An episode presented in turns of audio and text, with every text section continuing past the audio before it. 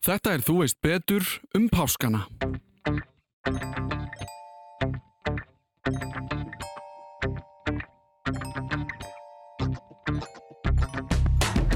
að býtu gröfin er tóm og hann er bara farin og þá segir þeir trúðu ekki því að þeir töldu orðeira markleysu eru að bóða trú á þann sem að margir höfðu séð krossfestan og segir hann er ekki lengur dáinn, hann er upprisinn Svonur Guðs á ekki að enda upp á krossi. Á páskadegi er við hæfi að setja staðins niður og pæla í páskunum sjálfum. Hver er uppbrunnið þessa hátíðar sem við höldum upp á? Hvað gerðist á þeim dögun sem sum okkar halda heilaga? Aðrir eru kannski bara fegnir að fá smá frí út úr þeim. Það er því miður lítil útskýring sem fæst á því hvaðan páskaekkin koma. Tengingin þeirra við kristni er óljós í bestafalli en kannski er það bara skemmtileg viðbót. En þessi hátíð kemur á hverju ári og ég fann á sjálfu mér að merking þessara daga var örlítið farin að skólast til hjá mér. Ég held að innihald þáttarins höfðu til allra, sama hvaða trúð þau aðhyllast en er ekki um að ræða kristni bóð, heldur yfirferð yfir söguna sem leiðir til páskaháttíðarinnar. Ég fekk til mín Artfríði Guðmundsdóttur, Guðfræðing til að fræða okkur meira um efnið og eins og áður byrjum við á kynningu frá viðmælandarum sjálfum. Ég heiti Artrúi Guðmundsdóttir og ég er Guðfræðingur. Ég kláraði ennbætsprófi í Guðfræði frá Háskóla Íslands, tók síðan pressvikslu, starfaði í stuttantíma sem prestur og fór síðan í doktorsnám út til Bandaríkjana og var þar í nýju ár. Síðan er ég búin að kenna upp í háskóla í Guðfræði og trúabræðafræði deilt síðan 1996 og ég er prófessor í trúfræði og er búin að vera það síðan 2008.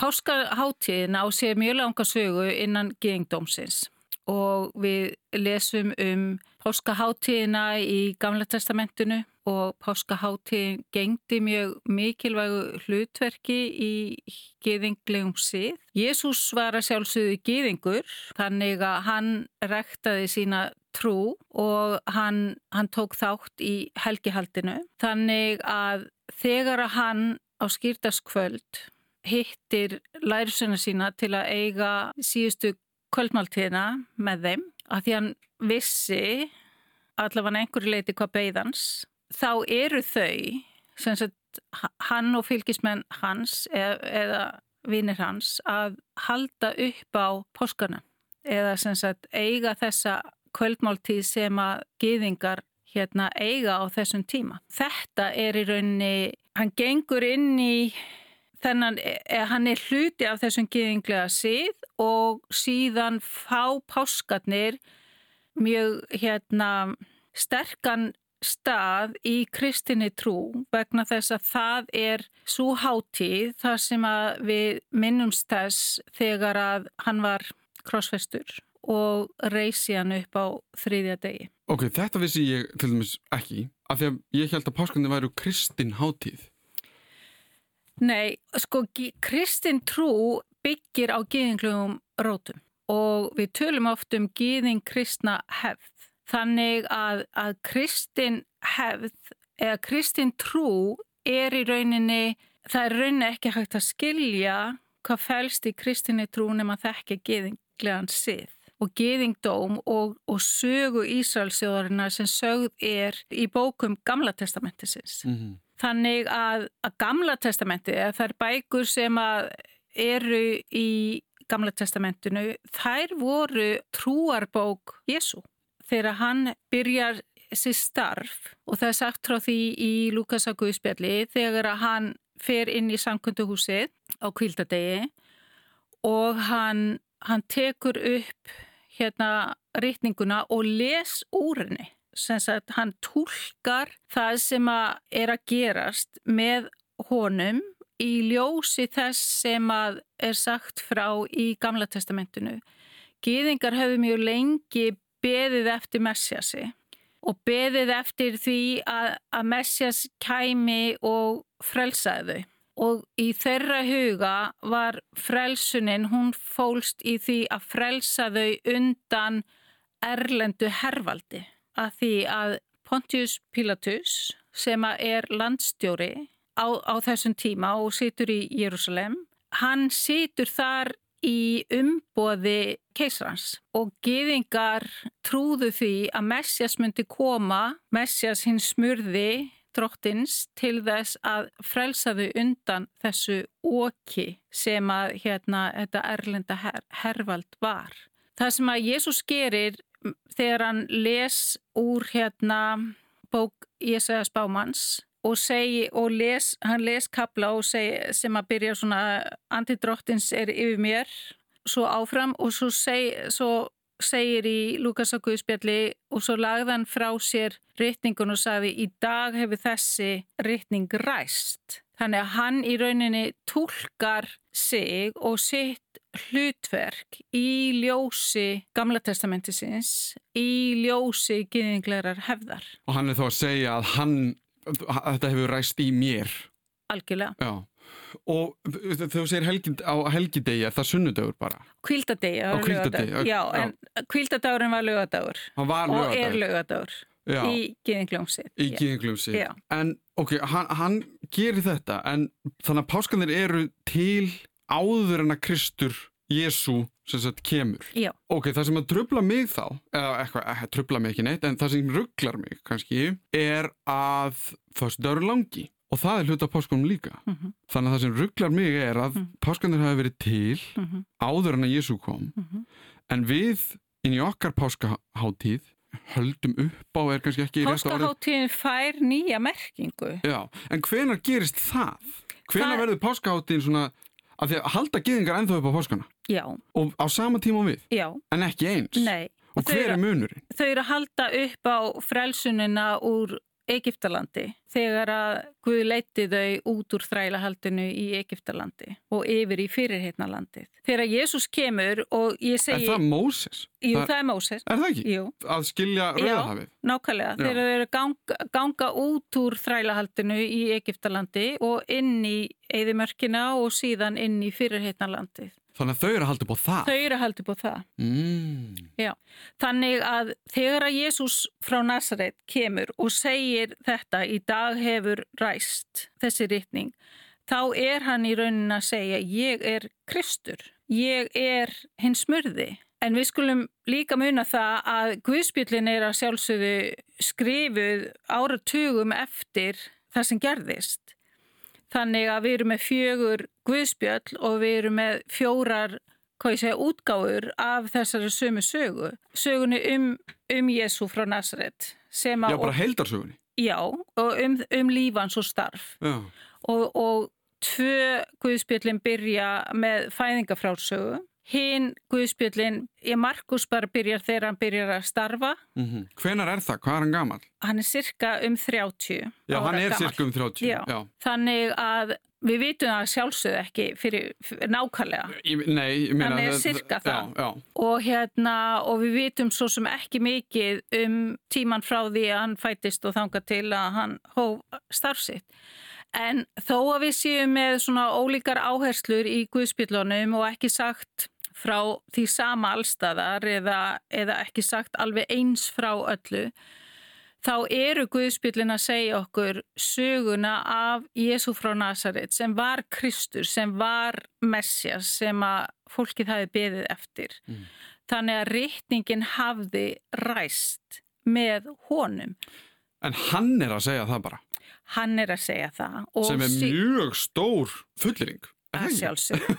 að sjálfsögðu Já. og var hvorki minn, meirann í minna en guðlast í eirum mjög margra. Þannig að þegar hann hefur starfsitt að, að þá sapnar hann saman venilega tölum um lærisveina en það er alveg klárt að það voru konu líka í hópnum þannig að það eru, það eru fylgjendur hans sem að, mm. sem, að sem, sagt, sem hann kallar til þess að, að, að fara með sér út í þennan leiðangur og allt sem að hann segir og allt sem að hann gerir, hann gerir hluti og hann segir hluti sem að valdunum óvinnsældum á meðal andlegra valdhafa en líka verallegra valdhafa. Verallegu valdhafarnir óttuðust það hversu vinsællan var. Og líka hljóta að hafa óttast á að hann væri að segja að hann væri aðilin sem myndi leiða gýðinga eða losa þá undan oki þessarar, eh, já, ógnar stjórnar eða hvað sem, eða þú veist. Algjörlega, þau, þessi veraldlegu anna yfirvöld, þau óttuðust bara að hann væri að, að fara að stopna til byltingar. Þannig að þau, þau óttuðust sagt þetta, að þetta status quo í hérna samfélaginu myndi raskast. Og en henni andlegu leituar óttuðust nákvæmlega þetta sem að þú varst að stoppa við að einhver maður sem var sonur Mario Jósefs sem að það var þekkt hvaðan hann kom. Hann kom frá Nazaret og, og átti sér einhverja fórsug hvernig hann gæti allt innu stíi fram á sjónasviði og sagt í dag hefur þetta ræst. Mm -hmm. það er ekkit erfitt að, að setja sig í þeirra spór að hérna hvernig getur hann sagt þetta Þannig að það hlýtur að vera að, að fólk hafi trúað honum vegna þess sem hann sagði og vegna þess sem hann gerði. Ekki... Hann hafi sínda í verki já. að þetta hafi í raun, að, að þetta sé raunin. Og það, já þú sér það þegar þú les Guðspillin, það eru sögur af því þegar hann læknar fólk. Sögur af því þegar hann les yfir andlegum leitóum og sakar þá um hræstni til dæmis og hann gaggrínir óriðtlæti í samfélaginu. Hann tekur sér stöðu með lítilmagnanum, hann tekur sér stöðu með þeim sem er út á jæðrinum. Hann fer á skjön við svo margt sem að var viðtekið í samfélaginu. Þannig að, að hérna, þess vegna var sagt um hann, hann er sá sem að, sem að hérna, borðar með, með totlemtumönnum og syndurum hann veigraði sér ekki við að láta sjá sig í slíkum félagskap og, og félagskap þeirra sem að áttu ekki upp á pallborðið hjá þeim sem að voru við völd, hvort sem að það voru andlega eða verallega yfirvöld. Mm. Þannig að, að það er, það er klárlega ægilega mér að segja karisma sem að... Sjarmi, hann var mjög sjarmirandi. Klárlega af því sem við, við vitum þannig að hann, hann talar eins og sá sem að hefur boðskap, sá sem að hefur sannfæringuna, sá sem að hefur sannleikan. En þú sagði hann eða lesið upp úr gamla testamentinu, þannig á kvildadeginu. Hann las upp úr spátumsbók Jésaja sem að tilheyrir gamla testamentinu. Þú veist að gamla testamentið samansett af 39 hérna rítum mm og, og hérna og, og eitt af þeim rítum er spátumsbók Jésaja Já, ok, þannig að því ég fór alltaf inn að hugsa byrju, kom Gamla ekki, testamenti ekki eftir að Það já, var ekki já. til sem Nei. Gamla testamenti Nei, heldur að það var rít sem að síðar rataði inn in. í, í það eða það bókasapn því að biblían er sjálfsögðu bókasapn það sapna bókum Og að því þetta er Jésu og, og við, erum að, við erum núna komið með tenginguna millir páskana og, og sagt, hvaðan við fáum páskana. Eh, við þekkjum kannski öll sögu Jésu svona í gróðum drátum hann er síðan krossfestur og mena, upp úr þessu verður kristni til. Og ef fólk vil svo sem hlusta á sögu kristni þá er hægt að hlusta, þú veist betur þátt um sögu kristni sem er náttúrulega gífurlega löng þannig við kannski getum ekki alveg farið í hana hér. En ef við tökum páskana bara, var kristni og geðingdómur, þau byrja að skilja sér svona í sundur, tók kristnin páskana bara með sér um leið? Það er að sjálfsögðu þróast síðir innan kristinnar kirkju. Kristin kirkja verður ekki til fyrir eftir að, að hérna jarðvist Jésu Krist líkur. Mm.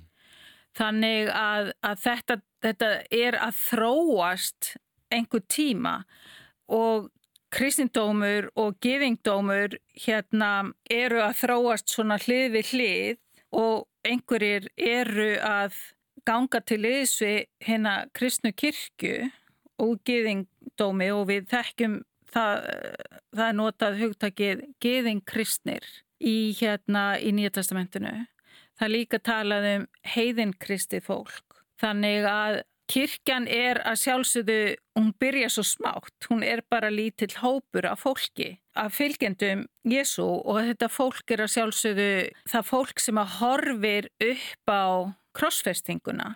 Okkur sagt frá því í, í Guðspjöldunum hvernig þau mistu vonina sem þau hefðu bundið við þennan mikla leiðtóa. Þau hefðu fyllt honum til upp til Jérúsalem. Þau hefðu mörg yfirgefið allt til þess að fylgja honum. Og svo bara endar hann á krossi. Þannig að, að fyrir þeim var það bara fullkomin ósigur. Að því að bjargvættur gýðinga átti ekki að deyja. Að sjálfsögð ekki. Nei. Svonur Guðs á ekki að enda upp á krossi. Þannig að fyrir þeim var þetta ósigur. Fyrir þeim var þetta sigur óvinnana þeirra sem að höfðu leitast við að, að ráðan af dögum, þeim tósta. Þannig að, að það er ekkit erfitt að setja sér í spór þess að fólk sem að bara horfir ángistafullt upp á krossinu og hugsa býtu er þetta allt búið og síðan er okkur sagt frá því að, að þau bara flýðu af staðnum og þau bara lokuðu sér inni af óta við það að, að þau erðu líka tekin af lífi vegna þess að þau voru fylgjendur hans. Mm -hmm. Þannig að, og sennilega voru konurnar ekki mikill hættu vegna þess að staða konurnar var nú ekki, ekki þannig í það, þá daga. Hún er ekki búið marga fiska? Nei, konur voru geinsinni hérna, þar, þar mátti ekki byrja vittni fyrir domstólum vegna þess að orð þeirra voru talin markleisa. En þannig er Marja Magdalena sem hefur verið nefnd til dæmis? Það eru, það eru nefnd nöfn hvenna sem, sem að voru þarna og það er ekki sömu konunar alveg, það er ekki alveg sambarilegt í öllum guðspjallunum þannig að það var einhver hópur mm. og á meðal þeirra voru nokkrar konur. Er það bara kallanir taldir með? Þessi tólf postular? Þessi tólf postular eru allir kallar. Og það kannski bara, já þeir voru bara tólfa því að konunar voru marklausar eða eitthvað. Ég er bara með þá kenningu núna allt í hennu. Já sko, ættkvíslir Ísraels voru tólf og þá, það, sko, tólf er mjög symbolísk tala. Þannig að við veitum ekki hvort að, hvort að höfunda Guðspjallana hafa, sko, notað þessa tölu að því hún var, hún hafði mjög sterkan boðskap fól sterkan boðskap í sér en allavegana þá, þá er okkur sagt frá því að postulegnar hafi verið tólf og þeir voru allir kallar og þeir eru nefndir á nafn. Þannig að við megum ekki gleyma því að í því samfélagi sem að hérna, þar sem að þessi rít verða til það er það sem við í dag myndum kalla dæmigert fæðraveldi.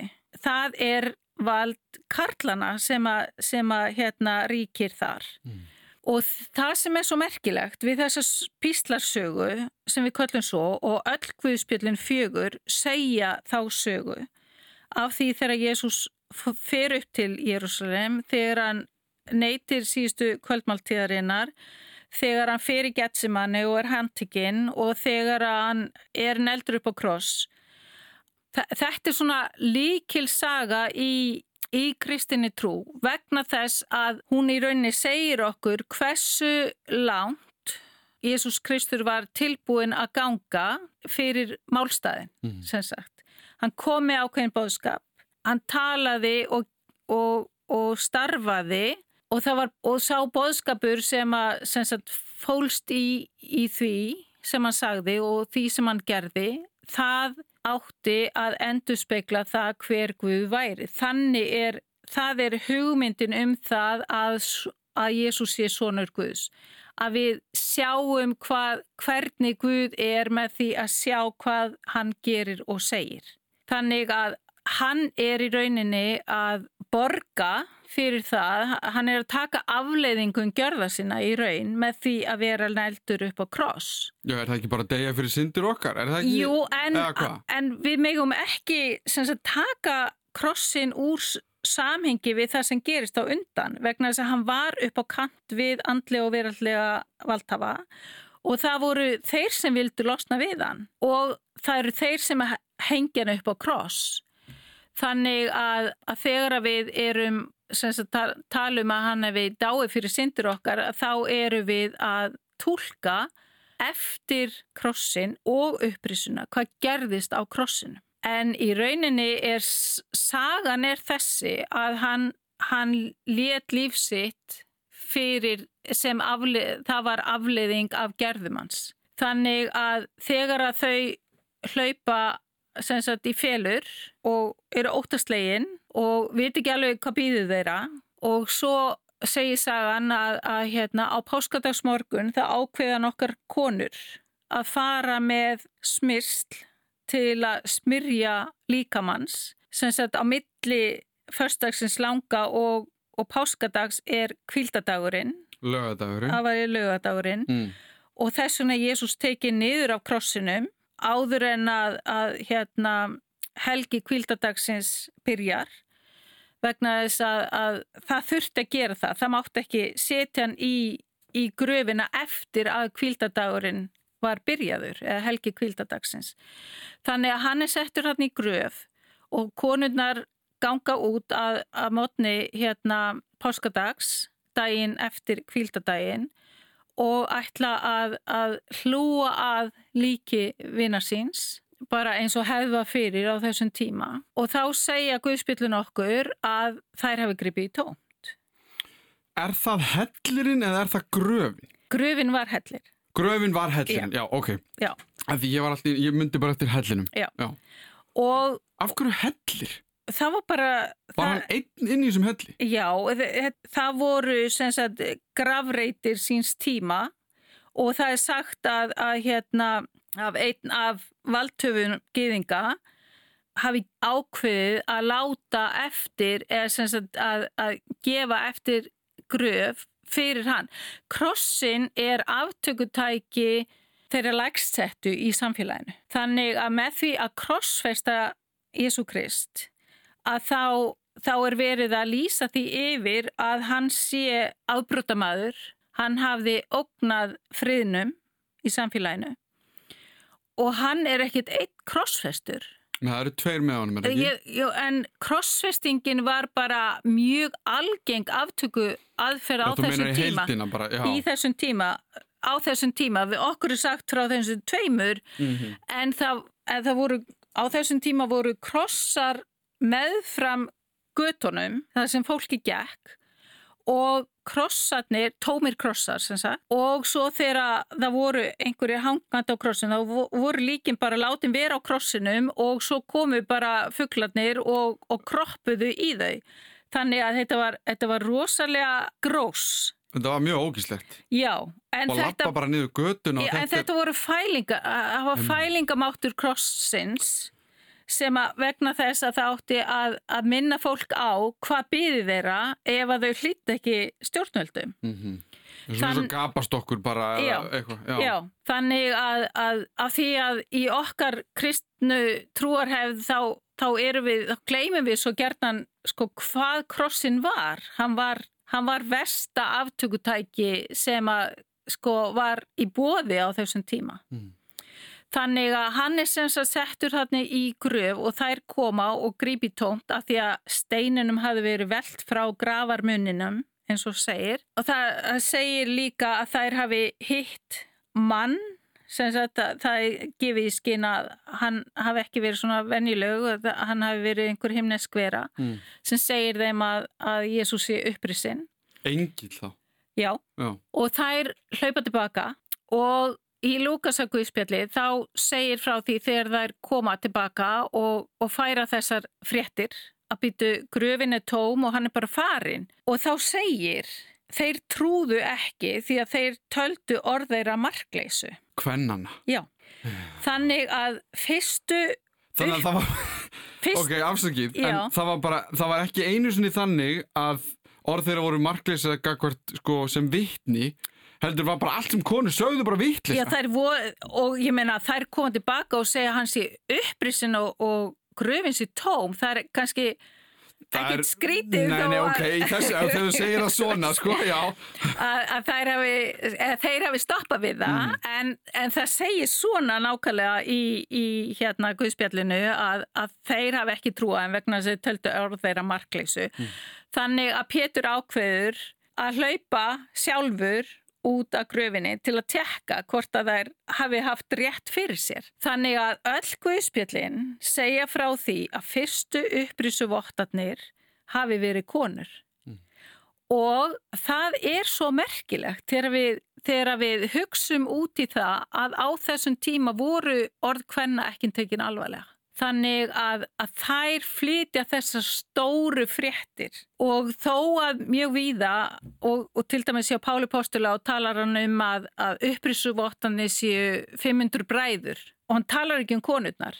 En öll guðspillin tala um konurnar sem voru, sem voru fyrstu vittnin og, og það er svo merkilegt að það er ekki drengt að, að klóra yfir það að það hafi verið konur það er bara sagt þetta voru konunnar sem að hafðu farið út til þess að smyrja líkama Jésu Krist mm. og sko síðasta kvöldmáltíðin er á fymtudegin fymtudagskvöld hann er krossfyrstur á föstudeginum mm -hmm. og það er föstudagurinn langi. Já. Og það er mjög merkilegt að við köllum hann föstudagin langa. Af hverju? af því að sko í ennskunni er hann kallað Good Friday. Já sem er mjög merkilegt af því að það, er, það, það gefur svo allt önnu skilabóðu heldur en förstu daginu langi. Mm. Hann er langur vegna þess að hann, er lengi að líða. Þetta er náttúrulega, sko, í kristinni trú er þetta sorgardagur og, og fólk lengi vel helt þansið að það mætti ekki gera neitt á förstu daginu langa. Þú ótti bara að býða og íhuga það sem hafi gerst ég man eftir því að, að hérna, við máttum ekki spila eða við máttum ekki sko gera eitthvað slíkt hérna, vegna þess að helgi förstudagsins langa var tekið mjög alvarlega. Já og þess vegna er hann lengi að líða því þú ert ekki að gera neitt. Já. Það reyndar allt í einu meikar mjög mikið sens. Og ég er svona á báðmáttu með hvort við höldum áfram með söguna af því hvað gerist mm. eða að því mér langar samt líka að spurja bara að því svo ég gleymi ekki. Mm -hmm að því að Kristins fer hann út frá gengdómi mm -hmm. er einhverstaðar að því þú ert búin að tala um segjum að rítningarnar eða, eða textana eða já. bara biblíuna. Já, það er ímist heilurítning eða rítningarnar það, það voru Er það í þessum texta það sem páskarnir eru settir fram eða, eða skipulaðir eða, eða skilur hvert ég er að fara? Þú veist, er, er það sagt við höldum upp á páskana af því að hérna, eitthvað eða er það eitthvað sem bara þróast út frá geðingdónum að því að svona geðing kristni var nú þegar að halda upp á páskana en síðan voruðu orðin kristin ég svona, ég svona veltaði fyrir mér hvernig kristið fólk byrjaði að halda upp á páskana eins og þeir eru í dag? Sko, páskarnir eru verða þessi stæsta trúarhátti kristina, kristinar kirkju vegna þess sem gerðist á páskunum. Það er sagt, sá tími þar sem við íhugum píslarsuguna. Lengi vel var, var hefð og það er víða en að fólk sagt, setti upp svona píslarleiki, svona bara svona leikrit og leik píslarsuguna í dimbilviku. Sem er vikan sem er upp vika, á páskum. Já, já. þannig að, að páskaháttíðin sem að er til í geðingdómi, hún fær nýja merkingu vegna þess sem gerist þá og síðan verður þetta hátíðin þar sem að fólk minnist síðustu kvöldmáltíðarinnar, það minnist förstagsins langa og það minnist páskadags. Þannig að, að strax í, í rítningunni þá er farið í, í sagt, brefum Nýja testamenti sinns að, að þá er farið að, að tala um að, Jésús sé þetta páskalamp sem að sko geðingarnir höfðu alltaf fórnað lampi á páskonum fyrir syndir þjóðarinnar og Jésús verður þetta páskalamp, hvað ég segja, með stóru pí vegna þess að eftir það þá, þá þarf aldrei að færa aðra fórn vegna þess að hann hefur hefur gengið inn í dauðan fyrir okkur og hann hefur, hann hefur sigrað dauðan með upprissunni. Upprissan á páskadegi segir okkur að ílskan á ekki síðasta orði vegna þess að við sjáum ílskuna í krossfestingunni. Það er, það er verið að reyna losna við hann og ef við gefum okkur að, að hérna, og þetta er Jésús Kristur, þetta er hinn smurði, þetta er hinn fyrirreitni sem að lætu lífsitt á krossi fyrir þá sem að fylgdónum og fyrir hinnum var hann guðlastari eða bara byltingamæður sem var hættulegur. Og og fyrir þeim sem fylgdónu þá var þetta það, það ljótasta sem var hægt að gera var að taka hann af lífi og taka hann af lífi á þennan hátt. En píslasögurnar í þessum fjórum guðspillu þær enda engar á Golgata. Þær eru allar með upprisusögur. Þær segja okkur allar að ílskan og dauðin eiga ekki síðast orðið. Þannig að hið góða sigrar hið illa og að lífið sigrar dauðan.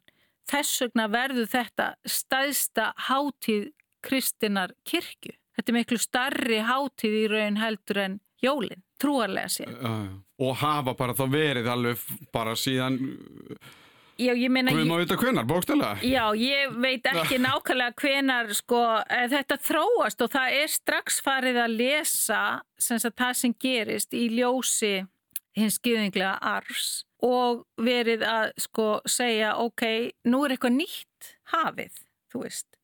Og svo verður kirkjan til, að sagt að, að tala um að kirkjan verður til á kvítasundag þegar heilagur andi kemur yfir fólkið sem að hafi sapnað saman, fylgjendur Jésu Krist og það er síðan það fólk sem að, og við lesum þá frásögu í postulisugunni, hvernig sá hópur eblist og fer út til að breyða boðskapin um Jésu Krist. Og síðan þekkjum við sögunni, ég menna Kristin Kirkja verður til og hún breyðist út og hún er ekki lengur einangruð við þetta ákveðna landsvæði eða þennan ákveðna tíma, hún, hún, hún breyðist út til allra þjóða eins og Kristur hafi hérna gefið sínum, sínum fylgjendum það verkefni að fara út og bóða En að þú nefndir kvítasunnudag, að við erum, búin núna með förstæðinlanga, sengjum við kvítadagur hann á milli,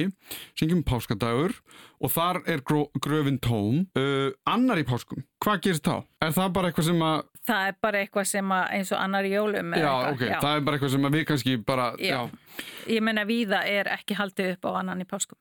Nei, ok, Nei. Það, hérna, við kannski höldum honum bara svona... Við, já, fá frí. Já, fá frí. En þessi helgi er mjög mikilvæg, eða stór, eða hvernig sem maður getur orðaða. Síðan talar um kvítasundag, af því að síðan gerist hvað? Hann er ekki í gröfinni mm. og þau viti ekkert hvað er í gangi, hann er horfin og það er ekki búin að stela honum eða eitthvað. Sem að var möguleiki og sumir töldu, tólkuðu það þannig, tómi gröfinna þannig. Já, en það var ekki raunin. Og, og, og hvað, gerist síðan? Af því að ég held að margir sem að, mörg sem haldi upp á páskana, þetta eru páskadagarnir, þú veist, í raun förstdagar langi og páskadagur, það eru þessi stóru dagar. Síðan líður einhvern tími mm. og síðan oftast kemur það aftan af fólki, allt í einu annar frídagur. Mm -hmm. Sem heitir uppstyrningadagur. Uppstyrning, uppstyrningadagur og, og síðan er þetta kvítasunni helgi. Og, og hvað eru við að tala um þar? Við erum að tala um daga sem eru helgaðir þeim atbyrði sem að segir frá í Guðspjöllunum þegar að Jésús kvatti og steig upp til himna. Þannig að það kemur þarna tími eftir upprísuna þar sem hann, hann byrtist þeim ítrekkað og er á meðal þeirra. Já, bara sem einhver andi eða, eða, eða bara eitthvað. Við, við vitum náttúrulega ekkert hvað. Nei, en, hérna. við vitum ekki hvað, það það er frásaga í Óhannasaguðspjalli þar sem að Marja Magdalena er, er að gráta og það kemur maður til hennar sem að hún heldur að sé hérna bara hérna garðirkjumæðurinn, hún sem það tekkir hann ekki og hann spyr akkur hún sé að gráta og, og hún segir af hverju og þá, mér minnar hann að segja sko þekkir mig ekki í þessu guðspjalli og hérna þetta er í Jóhannasaguðspjalli og og svo segir hann ekki koma við mig því ég er ekki enn uppstíðin þannig að við vitum ekki að hvað, að hvað leiti við, við, við vitum að, að hann byrtist þeim.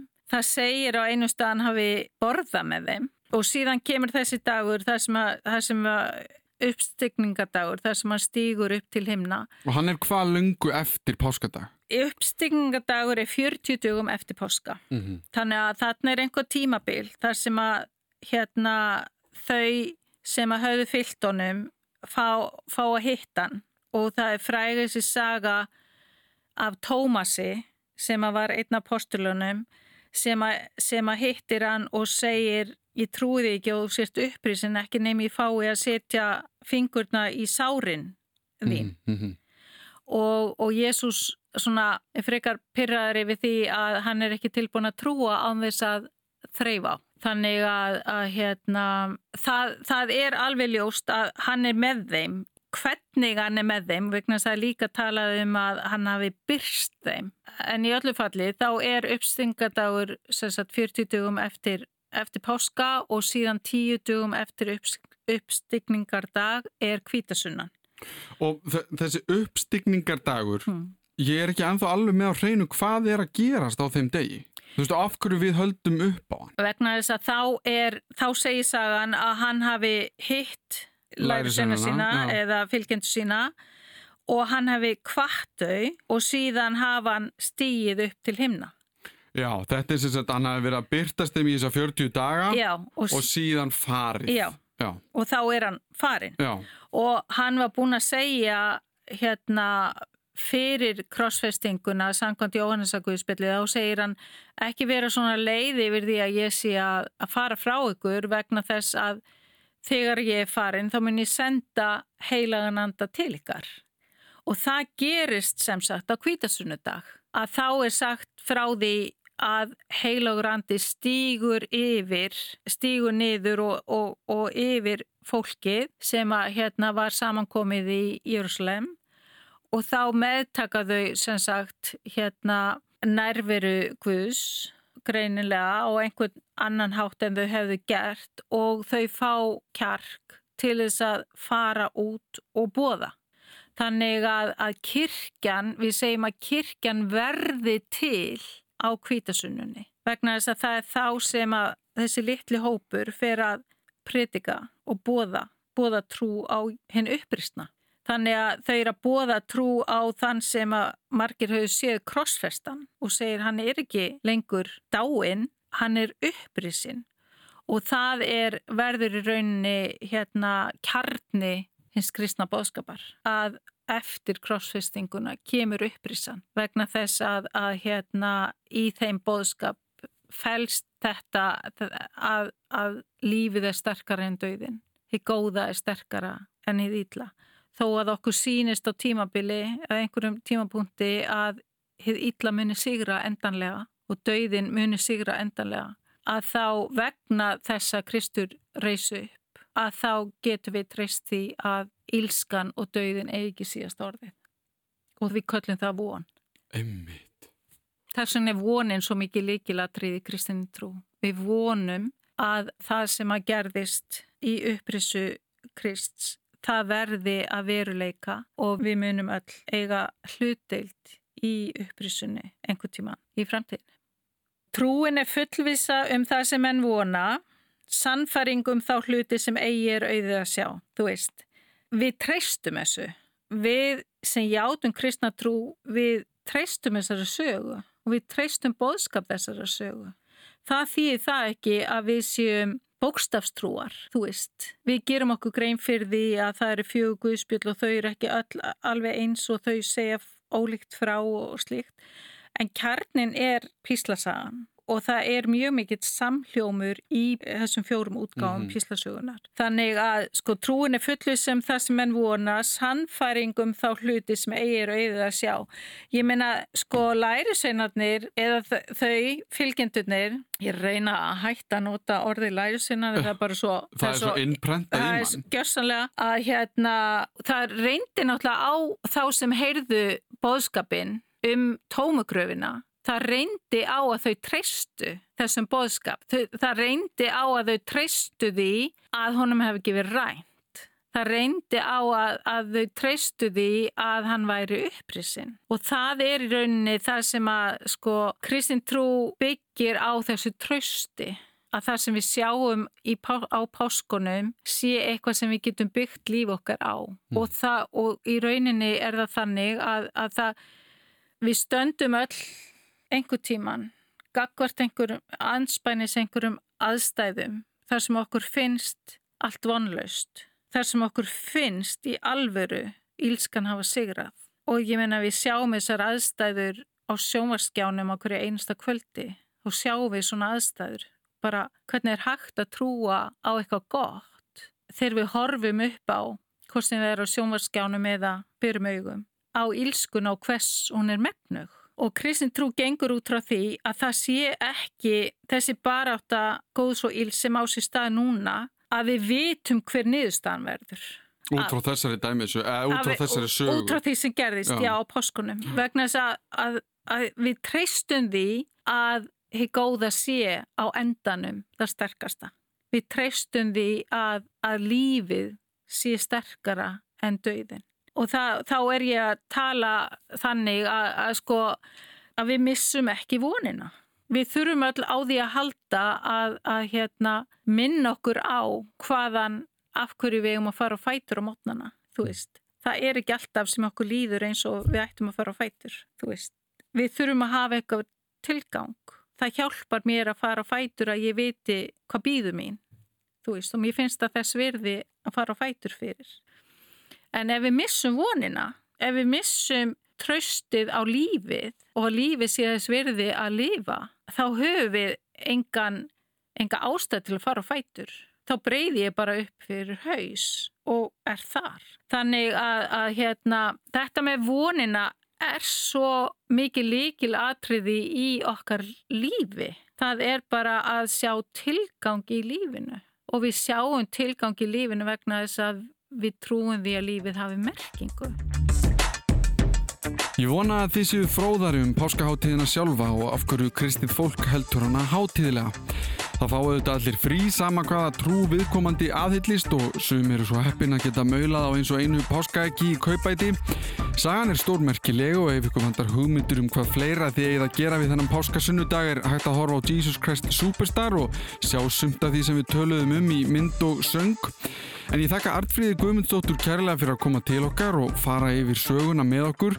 Takkum leið fyrir mig. Ef það eru einhverja spurningar eða ábyrningar er hægt að senda posta á allimarat.ru.is. Ég vona að restina páskunum verði ljúfir og góðir. Þetta var Þú veist betur um páskana.